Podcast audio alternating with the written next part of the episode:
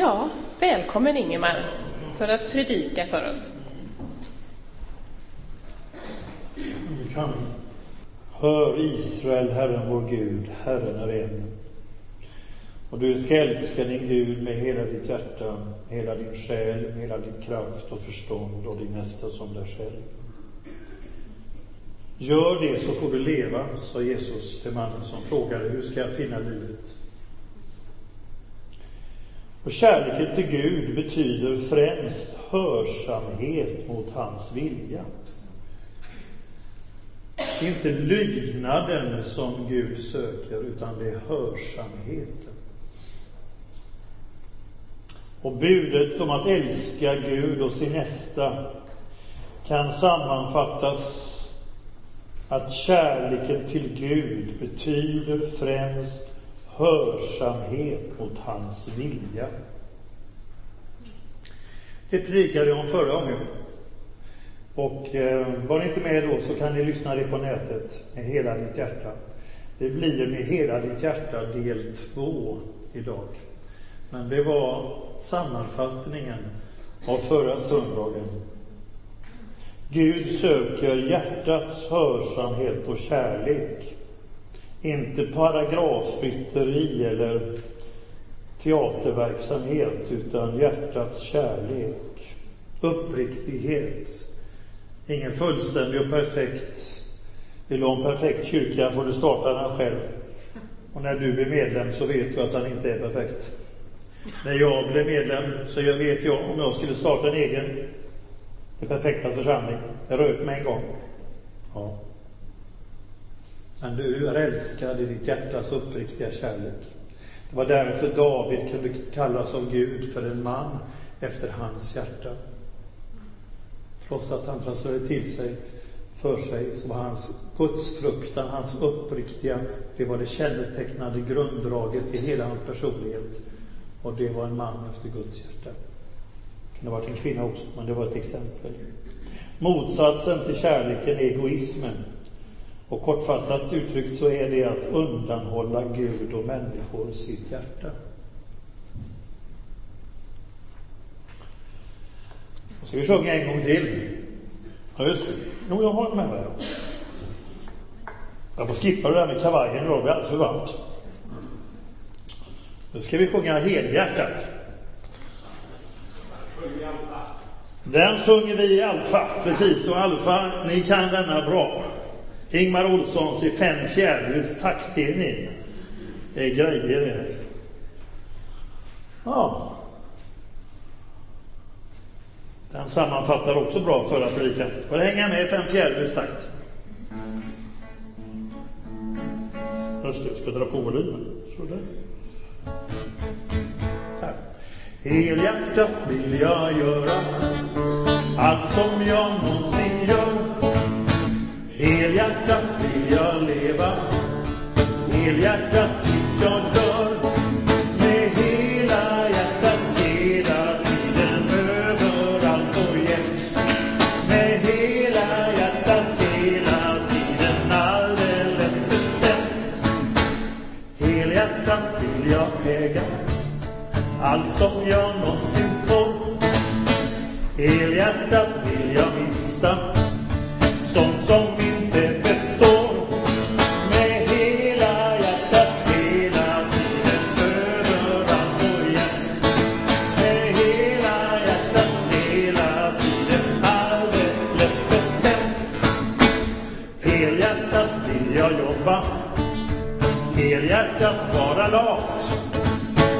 helhjärtat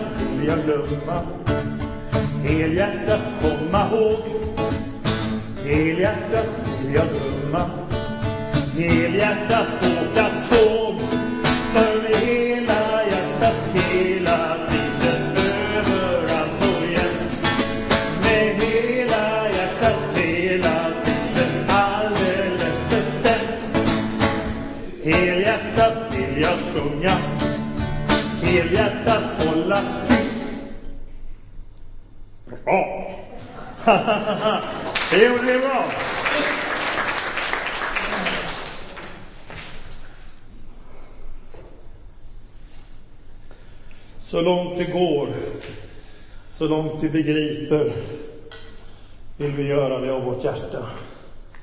Och det är det som Jesus söker.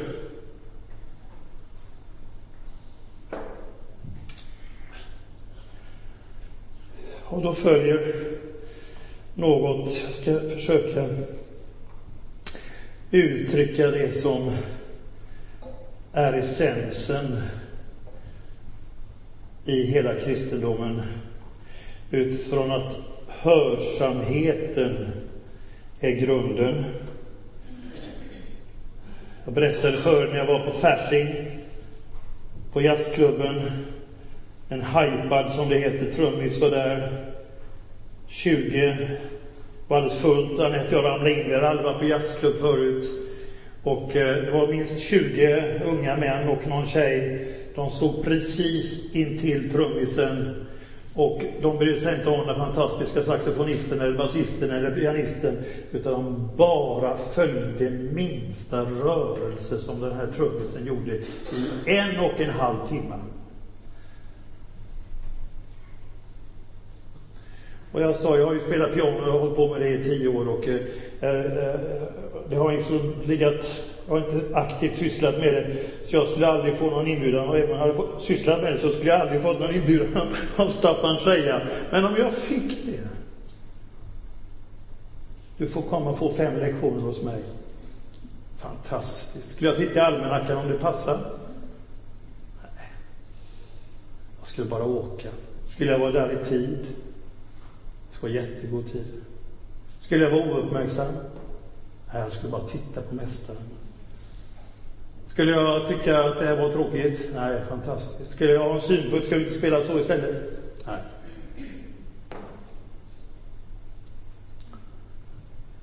Han väcker mitt öra var morgon till att höra på lärjungasätt. Och jag har inte varit genstridig eller motstridig, säger Jesaja.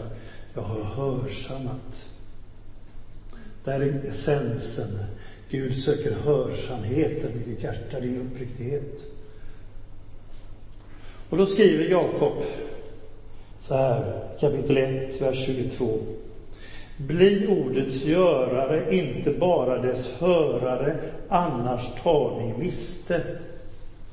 I den gamla översättningen står det, annars bedrager ni er själva. Står det.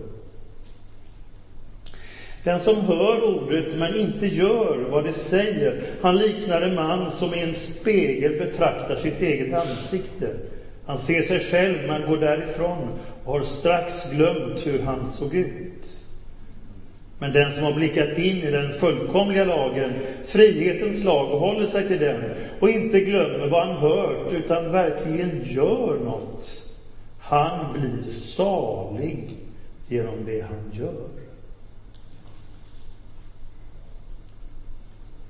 Här innan och nu så tittar man kort i spegeln. Jag får ju, min fru håller ordning, hjälp mig så inte det här håret faller ner så. Det gör inte det nu va? Nej. Jag tittade, tittade kort och sen så kommer jag inte ihåg, jag kan inte se det, det blir flyktigt. Men Bibeln såg det inte en spegel. Man kan spegla sitt liv, men det är inte alls det som poängen är. Att göra ordet är en beskrivning att vara kristen. Att leva den, ut den verklighet som ordet beskriver. Och jag gör det för att jag älskar. Mitt ok är mild, säger Jesus, min börda är lätt. Kom till mig, ni som arbetar och betungade, så får ni ro. Motsatsen till att inte göra.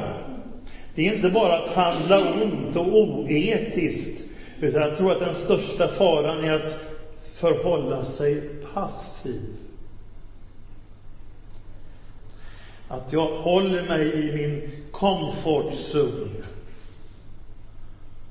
Att jag inte låter Guds ord drabba mig i sin helhet, Utan jag vet om, men jag vill distansera mig. Det finns många bibelord som är så ljuvliga och underbara, man blir så uppiggad. Fantastiska uppmuntrande ord. Men är det bara det vi behöver? Ja, jag behöver mig en snyting då och då. Jag behöver inte bara kammas medhårs, utan mothårs. Att ordet får drabba oss. Att jag inte distanserar mig. Utan den som hör och den som gör låter Gudsordet drabba livet. Jag är inte en passiv åhörare.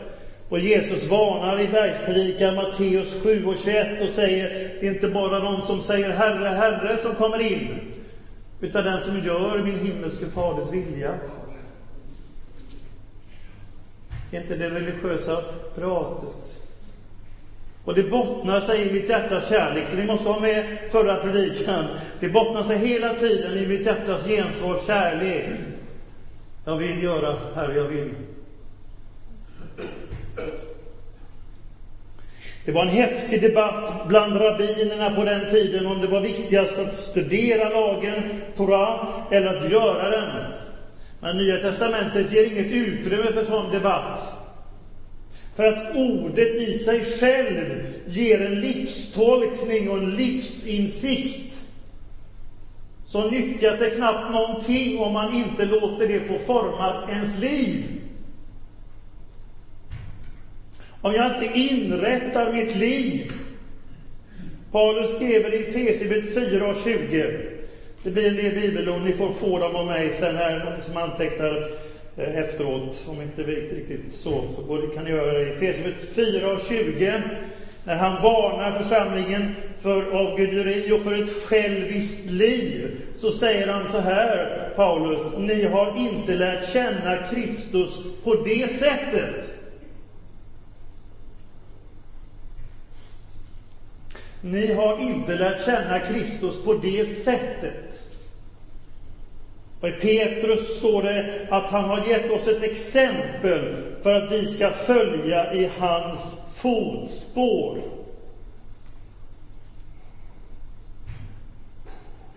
Och den gamle kyrkofadern Augustinus, som var biskop en gång i tiden i Hippo, i nuvarande Algeriet, på 350 och inne på 400-talet.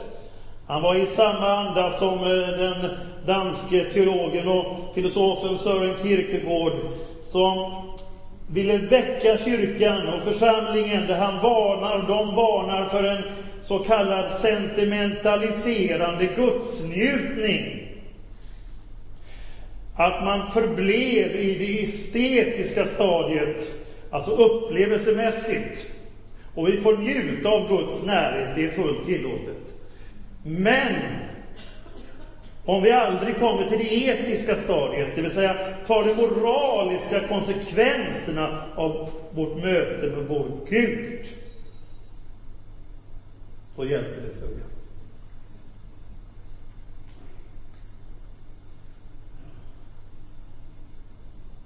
Hur är det med spegeln? Och där vi sjöng bygger inte hus på en lös på lösan sand. Jag satt vid Stafsinge strand jag älskar att sitta när jag väl är där nere i Falkenberg. Jag har suttit i brassestolen från ända in i oktober och så börjar jag i februari på måndagar när jag är ledig. Sitter i brassestolen oavsett, ja, inte om det regnar men. men det har varit mycket soliga dagar och jag sitter där och njuter av havet och njuter av att få, få vara inne för Guds ansikte. Eh, och be. men i oktober så höll jag på så länge så, att, och så stormade vattnet och jag tänkte jag kan inte sitta så nära, jag får sitta en bra bit upp. Här klarar jag mig nog, men eh, kan ni tänka det kom en jättevåg vet du, den for ju upp, jag satt där i brassestolen och, och eh, ja, jag lyckades precis hålla mig så jag inte vinglade rätt ner i vattnet. För den sjönk ju rakt ner vet, när vattnet kommer i sand och där satt jag. Och, och då tänkte jag, ja det är kanske är dags att ta en liten paus. Bygg inte hus på lösan sand. Den som gör är den som bygger på stadig grund. Och bägge delarna har två olika livshållningar, spegeln och lösan sand.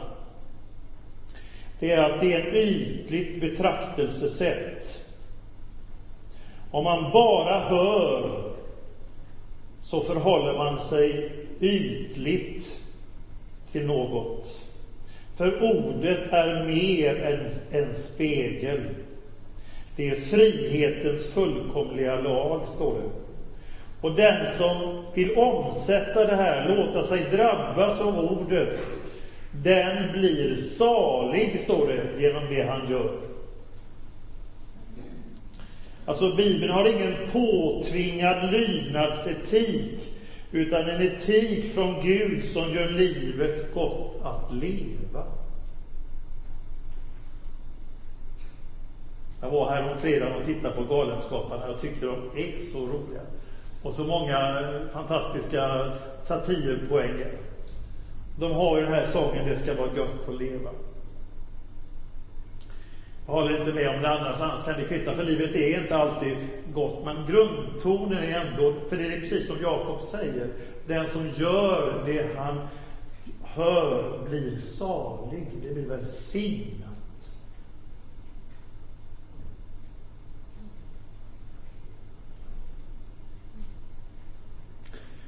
Och om man bara hör och distanserar sig så är det så lätt att du formar ordet så som det passar dig själv. Man hör lite flyktigt och så, ja, det där tycker jag var lite obekvämt, att lägga åt sidan. Det här tycker jag var bättre. ja. Det är jättebra att stryka under i sin bibel så förstår man rätt när jag blev kristen, när jag var 19 år och för 40 år sedan. Och, eh, och eh, jag bestämde mig på allvar och gick in och köpte den största bibeln som fanns. Och vi läste Bibeln från början, från början till slut. Och fortfarande känner jag att det, det, det är märkligt att, att det har alltid varit spännande med Guds ord. Och ändå kan jag säga att det bara blir mer och mer spännande. Jag är så tacksam i mitt liv att jag fått syssla med Guds ord. Få ta, läsa, studera, forska, få den förmånen, den nåd, den gåva. Nu stryker jag inte under i Bibeln längre, så om någon känner att det är viktigt, så, så gör så. Men jag har inte strukit under på många år, bara för att jag inte ska fastna just i den versen och missa de andra. Det kanske inte ni har något problem med, men jag hamnar så lätt där.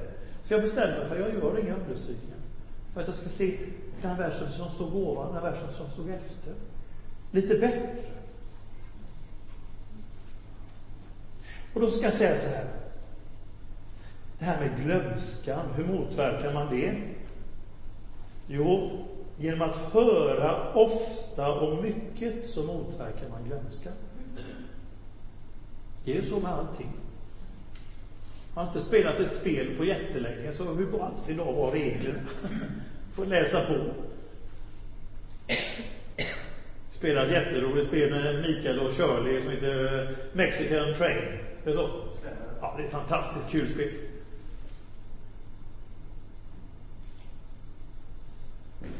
Men ju oftare man gör, desto mer kommer man ihåg, eller hur?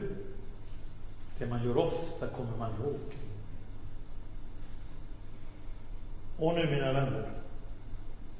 Det är bara, säger, det är underliggande, det Jakob skriver här, är att det bara genom att göra som du kan behålla, du och jag kan behålla hörseln.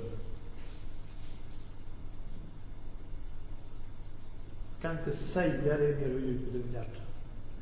För om man, in, om man bara lyssnar och lyssnar och det aldrig händer någonting, att jag tar det till mig, att jag distanserar mig eller vågar inte möta det, så, så blir man lomhörd. Man kan bli döv. Men om jag ständigt säljer den, som dag och natt, säger psalmisten, säljer den som, som följer, som lyssnar, han blir salig. Säljer den som tänker på Herrens ord dag och natt, i psalm 1. Men det är bara genom att höra och med Guds nåd, den heliga Andes hjälp, göra så långt som vi förstår, som vi behåller vår hörsel.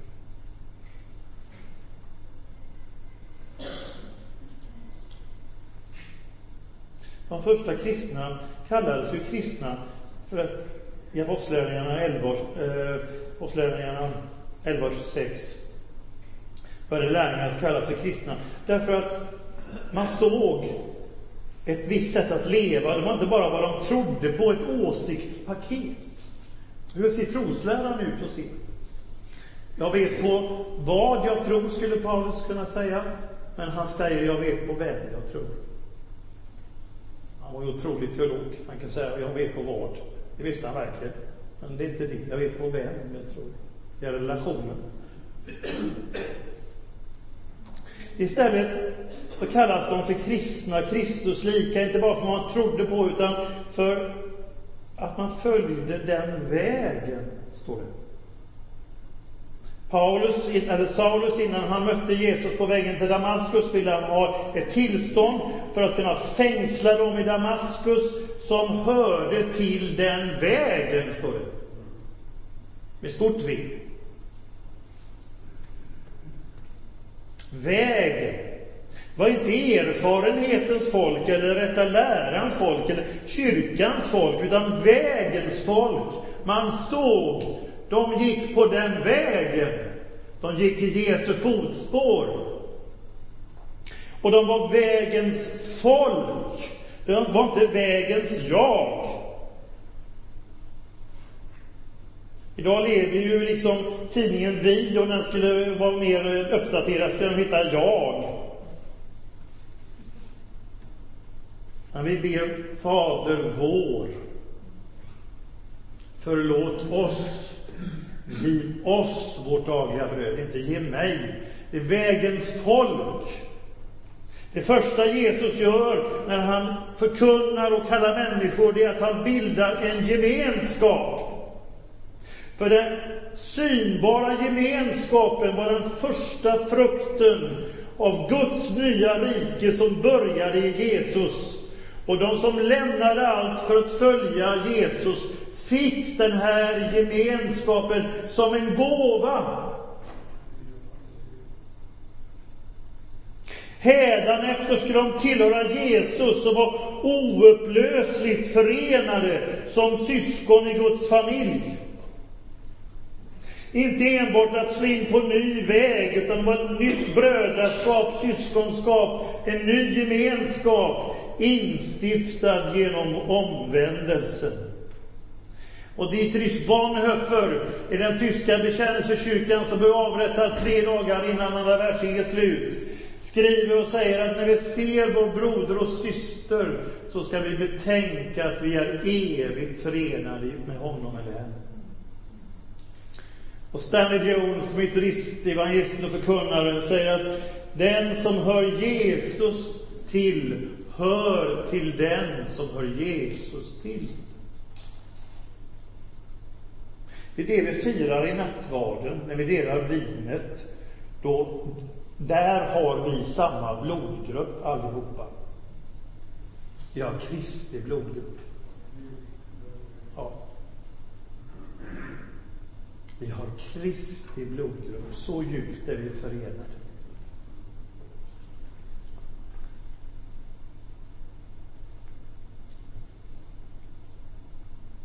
Och de blev kända som generösa, öppna mot andra, speciellt deltagande med fattiga och utstötta. Och deras kärlek till Gud, till varandra, till de förtryckta var deras främsta kännetecken. Deras vägran att döda, att göra åtskillnad mellan raser eller att tillbe de kejserliga avgudarna eller kejsaren själv. Det var ju det som kostade dem så många livet sen. För man skulle ju säga att kejsaren var herre. Nej, det är Jesus som är herre. Och de fick uppleva fruktansvärd förföljelse av Nero. Som lejonmat och levande facklor och allt fruktansvärt. Därför att man sa, det är Jesus som är herre. Och kejsar Hadrianus, han undrar vad all är detta för människor? Så han, han, han frågar filosofen Aristides på 200-talet, kan du tala om, beskriva det, vad det, här, vad det här är för fenomen med de här människorna? Ja, säger Aristides. Han skriver så här, kejsar Hadrianus. De älskar varandra, de underlåter aldrig att hjälpa änkor, De räddar föräldralösa från sådana som vill göra dem ont. Om de har något ger de gärna till den som inte har något. Om de råkar på en främling tar de honom med sig hem och gläder sig som det vore en broder. De betraktar sig inte som syskon i vanlig bemärkelse, utan istället som syskon i anden, i Gud. Jaha, sa kejsar Hal Jones. Jag vet inte vad han sa. Han var nog överraskad. Och Paulus skriver så här i Andra Korinthierbrevet 3, när han diskuterar med dem som ville vara så stora apostlar efter honom. Men eh, skriver han lite så här, behöver jag, Andra Korinthierbrevet 3, vers 1, behöver jag kanske som vissa andra rekommendationsbrev till er eller från er? Nej, det behöver jag inte, för ni är mitt brev. Och det är skrivet i era hjärtan, känt och läst av alla människor. Det är ju uppenbart att ni är ett brev från Kristus. Utskrivet av mig, inte med bläck, utan med den levande Gudens ande. Inte på tavlor av sten, utan era hjärtan på tavlor av kött och blod. Det var ett brev på två ben. Inga fullständiga, precis som du och jag. Läser du församlingen i Korinth ska man ju vara tacksam att man inte var pastor där. Alla gånger. Det var inte helt enkelt. Paulus hade att göra. Jag är oerhört tacksam att få vara pastor här.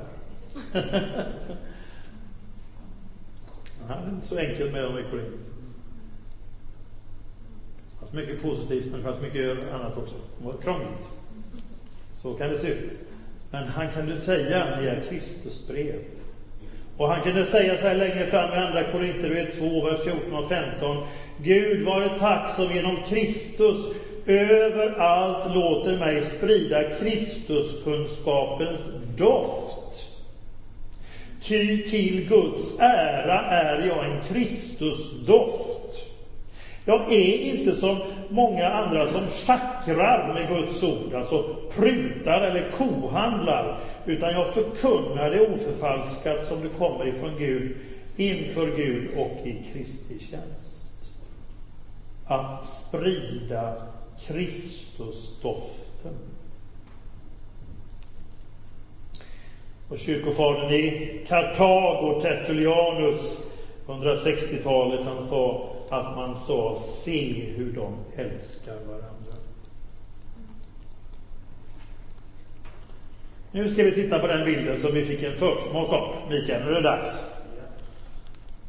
Har ni den här bilderna först som vi ska se är taget på, från nätet. Har ni varit där? Personen känner jag inte, för det är taget från nätet. Hallands vackraste väg. 16 kilometer mellan Askome och Gällared. Har ni inte varit där så ska ni åka den vägen. Ja. Men om jag nu nöjer mig att titta på den skylten och åkte tillbaka, skulle det vara någon poäng? Ha? Vad bör man lämpligen göra om man står där som henne? Vad gör vi? Vi kör vidare, ja. Eller hur? Det är ju ingen mening att stå och titta på det. Jaha, så intressant. Ska vi studera och forska och se hur orden är uppbyggda och kan det verkligen vara 16 kilometer och...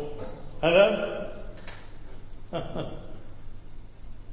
Det hör ju till vägens mening att man ska vandra på den, eller hur? Och det är endast den som ger sig av och börjar vandra på vägen som lär känna den. Och nu ska ni få se några bilder som då enligt Trafikverket är Hallands vackraste väg. Varsågod, den går ut med ettan. Ja, det kommer lite annat. Ja, det är lugnt. Vi tar den eh, sakta och fint här. Kan släcka ner lite grann kanske? Vi tar, vi tar lite saktare här så kanske kan släcka lite neråt. Det går lugnt och fint här. Då har vi nästa bild, om det går. Det är lugnt, det är alltid något med det tekniska. Det är lugnt Mikael, det kommer där fint.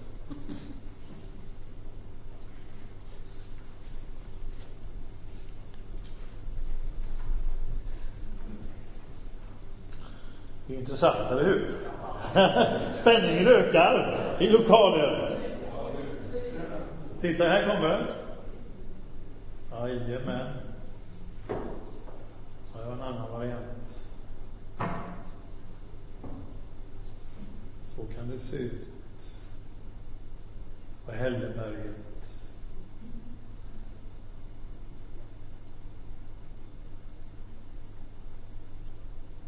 Ja. Här, alla ni som kör motorcykel Simon, här är något att cruisa. Här är något att cruisa i sommar. Ja. Så det vackert ut. Kan vi tända upp? Fick ni en liten försmak? Eh, lycklig den, säger psalmisten, som fruktar Herren och vandrar på hans vägar. Den blir lycklig. Och det är bara meningen blir någon poäng om man vandrar på den. Det innebär inte att det kristna livet bara har ett landskap som är så här vackert hela tiden, det vet vi.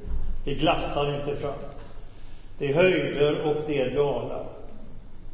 Jesus sa han är med oss alla dagar och alla sorts dagar. Men den som vandrar vägen blir salig genom det han gör. Han leder oss på rätta vägar, inte alltid lätta. Men det han inte hjälper oss ifrån, det hjälper han oss igenom. Han är vår följeslagare, vår bundsförvant, vår medvandrare i vått och torrt i alla dagar. Orkar ni några minuter till? Jag har haft så många korta predikningar här hittills. Eh, då kan jag predika lite längre som jag börjar göra nu. Åter, återfaller i ungdomens eh, lika långt. Eh. Varför läser vi Bibeln? Ja, när eh, apostlarna kom till Paulus och Silas till Beroia i Grekland så står det så här i Apostlarna 17 och 11 att människorna där tog emot ordet med stor beredvillighet och forskade dagligen i skrifterna för att se om allt detta stämde. Alltså undervisningen om Jesus. Rannsakare, står det i 1917. De forskade. Och det gör man för att man vill ha reda på någonting. Man kan inte läsa Bibeln som vilken bok som helst. Jag läste Tolstojs Krig och fred. Den tog jag igenom mig en gång. Det var hundra sidors presentation först när jag läste den boken och alla som är med. Bara det är ju ett konststycke. Eller Dostojevskijs berömda Karamazov som är en fantastisk bok. Men eh, jag har läst den en gång.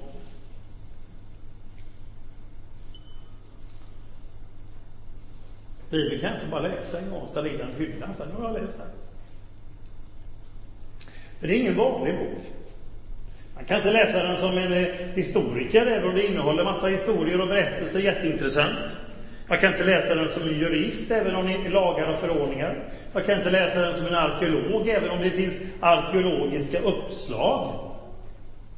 Man kan inte läsa den som en, bara som en kokerska, även om det finns bra recept i Bibeln.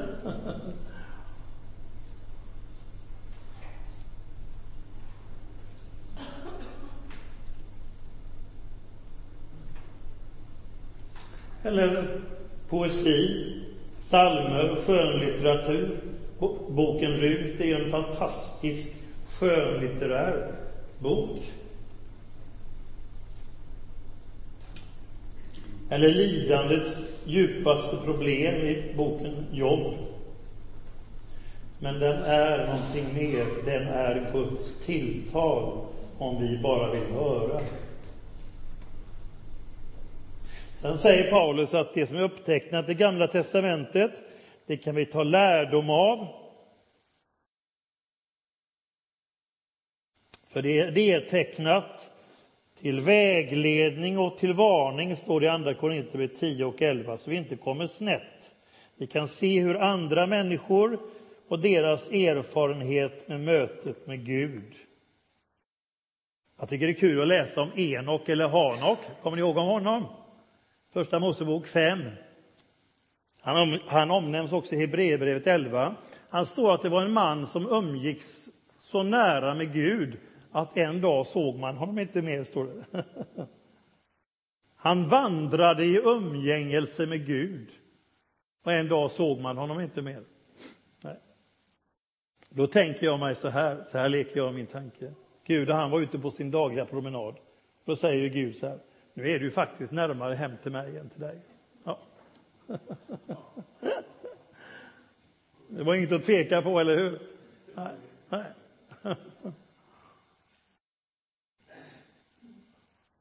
Läser vi det för att få nytt liv eller är det bara för att skaffa oss teoretiska kunskaper? Det är inte fel på teoretiska kunskaper. Vi vill öka, vi ska älska Gud med vårt förstånd, har vi också läst. Men vi måste låta ordet drabbas. Vi måste våga ställa, vad gör vi med detta? Det är inte ett diskussionsobjekt, även om man kan samtala om det. Så är den brännande frågan, vad gör jag med det här? Ja, men det är ju så många krångliga saker i Bibeln. Är det det? Ja, det finns väl ett och annat som är svårt att förstå. Man får hålla sig till det centrala. Är det, bara, är det något som förekommer en gång i en vers så behöver man inte haka upp sig där. Utan man ser det centrala, man ser helheten. Men jag tror inte problemet ligger i att, att vi har tolkningsproblem i det vi inte begriper. Jag tror att vårt problem, i alla fall mitt problem, om man får uttrycka sig så, är att jag begriper allt för väl.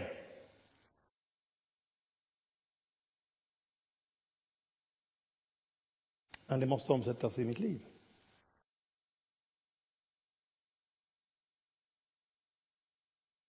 Sen är det ett och annat, så det är ju skönt att eh, Petrus kan kommentera Paulus och säga ett och annat som Paulus skriver är svårt att förstå. Det var skönt att Petrus kan säga det om Paulus, ett och annat som han skriver är svårt att förstå. Men jag måste låta helheten, inte bara favoritverserna eller, eller min traditions favoritversar, om ni förstår mig, utan helheten i Guds ord. Summan av Guds ord är sanning, står det i psalm 119. Summan, helheten. Och jag glömmer aldrig när jag lyssnade till Bertil Olingdal, pingstteologen, som har fantastiskt studium på Nyhemsveckan, där han talar om att bland annat om man ensidigt betonade en enda vers så kunde det leda till villfarelse.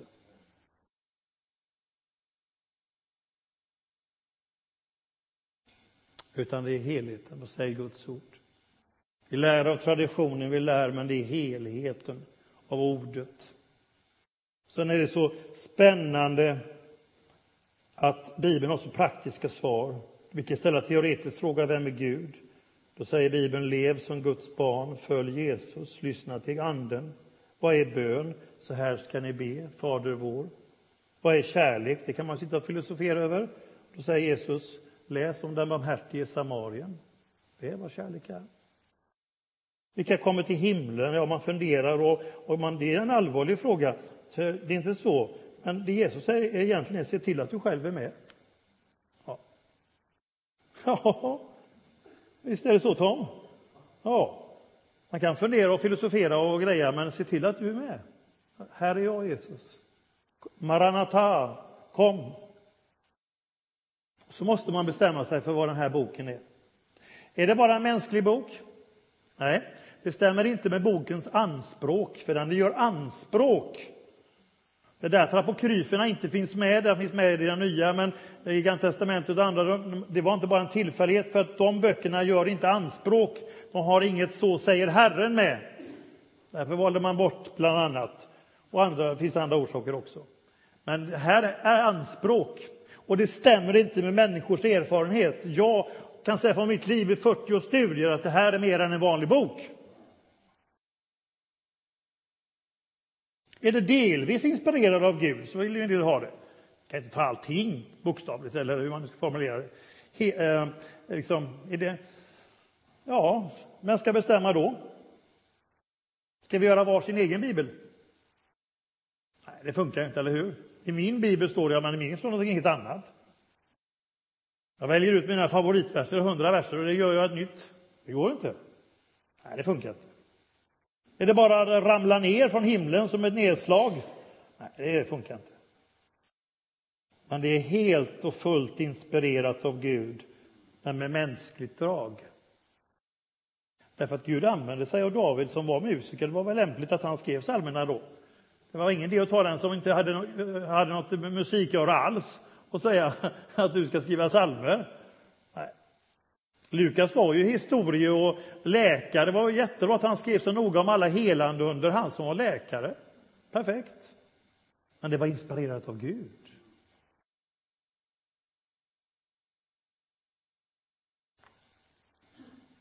Och det är ord att leva av. Människan ska inte bara leva av bröd utan av varje ord som utgår ur Guds mun.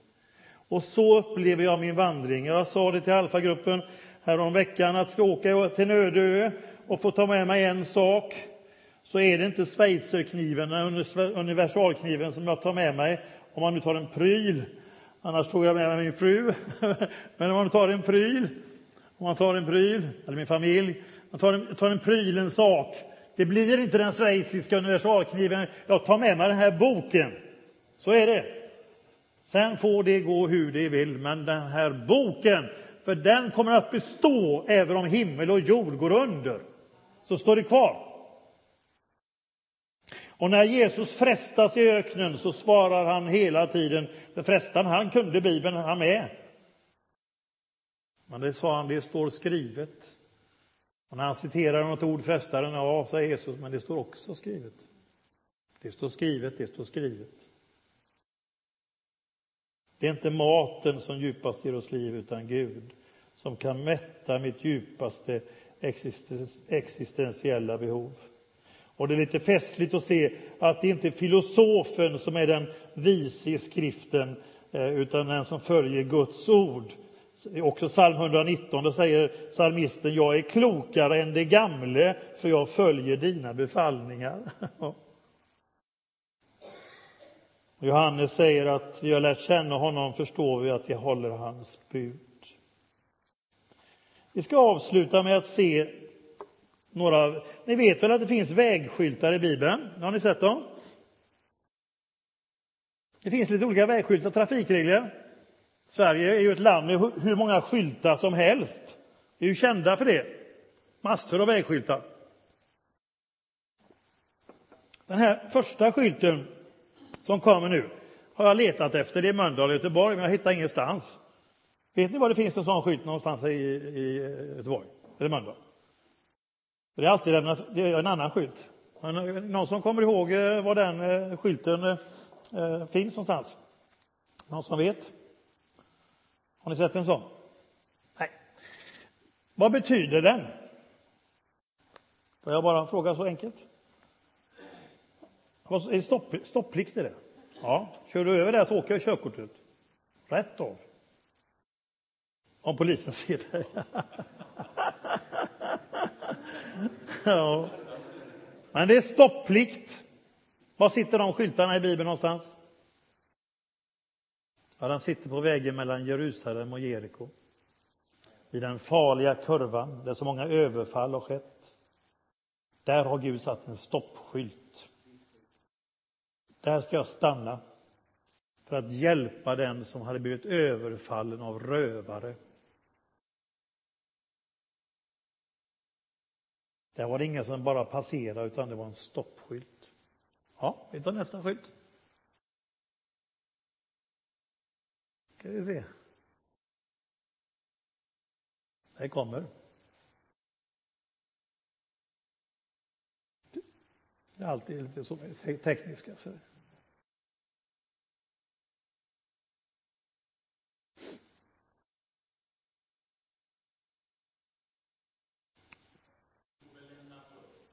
Ja, det är precis så det är. Du är med oss, du vet precis. Det är den skylten som kommer. Där kom det. Ja, tack. Var, står de skyltarna någonstans i Bibeln? Vad ska vi lämna företräde? För vilka lämnar man företräde?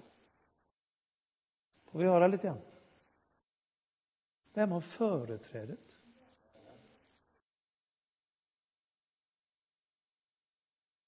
Ja, de ringa. Ja. De svaga. Fattige främlingen, hemlöse, sjuke, den haltande, den förtryckte.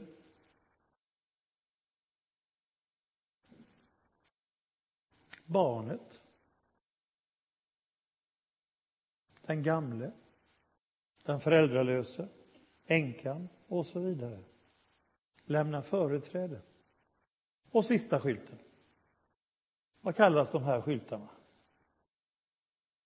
Med ett fint ord. Eller det riktiga ordet. Påbudsskylt. Ja, här är vi Gunnebo. Lite roligt. Endast gående. Ja. Inte springande får man tydligen inte göra. Men det gör de. De springer där och kutar med sina barnvagnar och allt vad de gör. Men det står endast gående. Kanske det är ett ord i vår tid. Vi behöver sakta ner lite grann. Tror ni inte det? Ibland behöver man ju springa. Men endast gående. Och så går barnet och håller i en vuxens hand. Det är en fin bild på gudsrelationen. Ja. Och vad är påbudsskyltarna? Var hittar vi dem? Jo, de här blåa skyltarna vill göra oss uppmärksamma på var och hur vi färdas och vart vi går. Och det är Jesusorden som får prägla oss och forma oss till varma Kristusbrev i en ofta tyvärr människoovänlig tillvaro. Amen.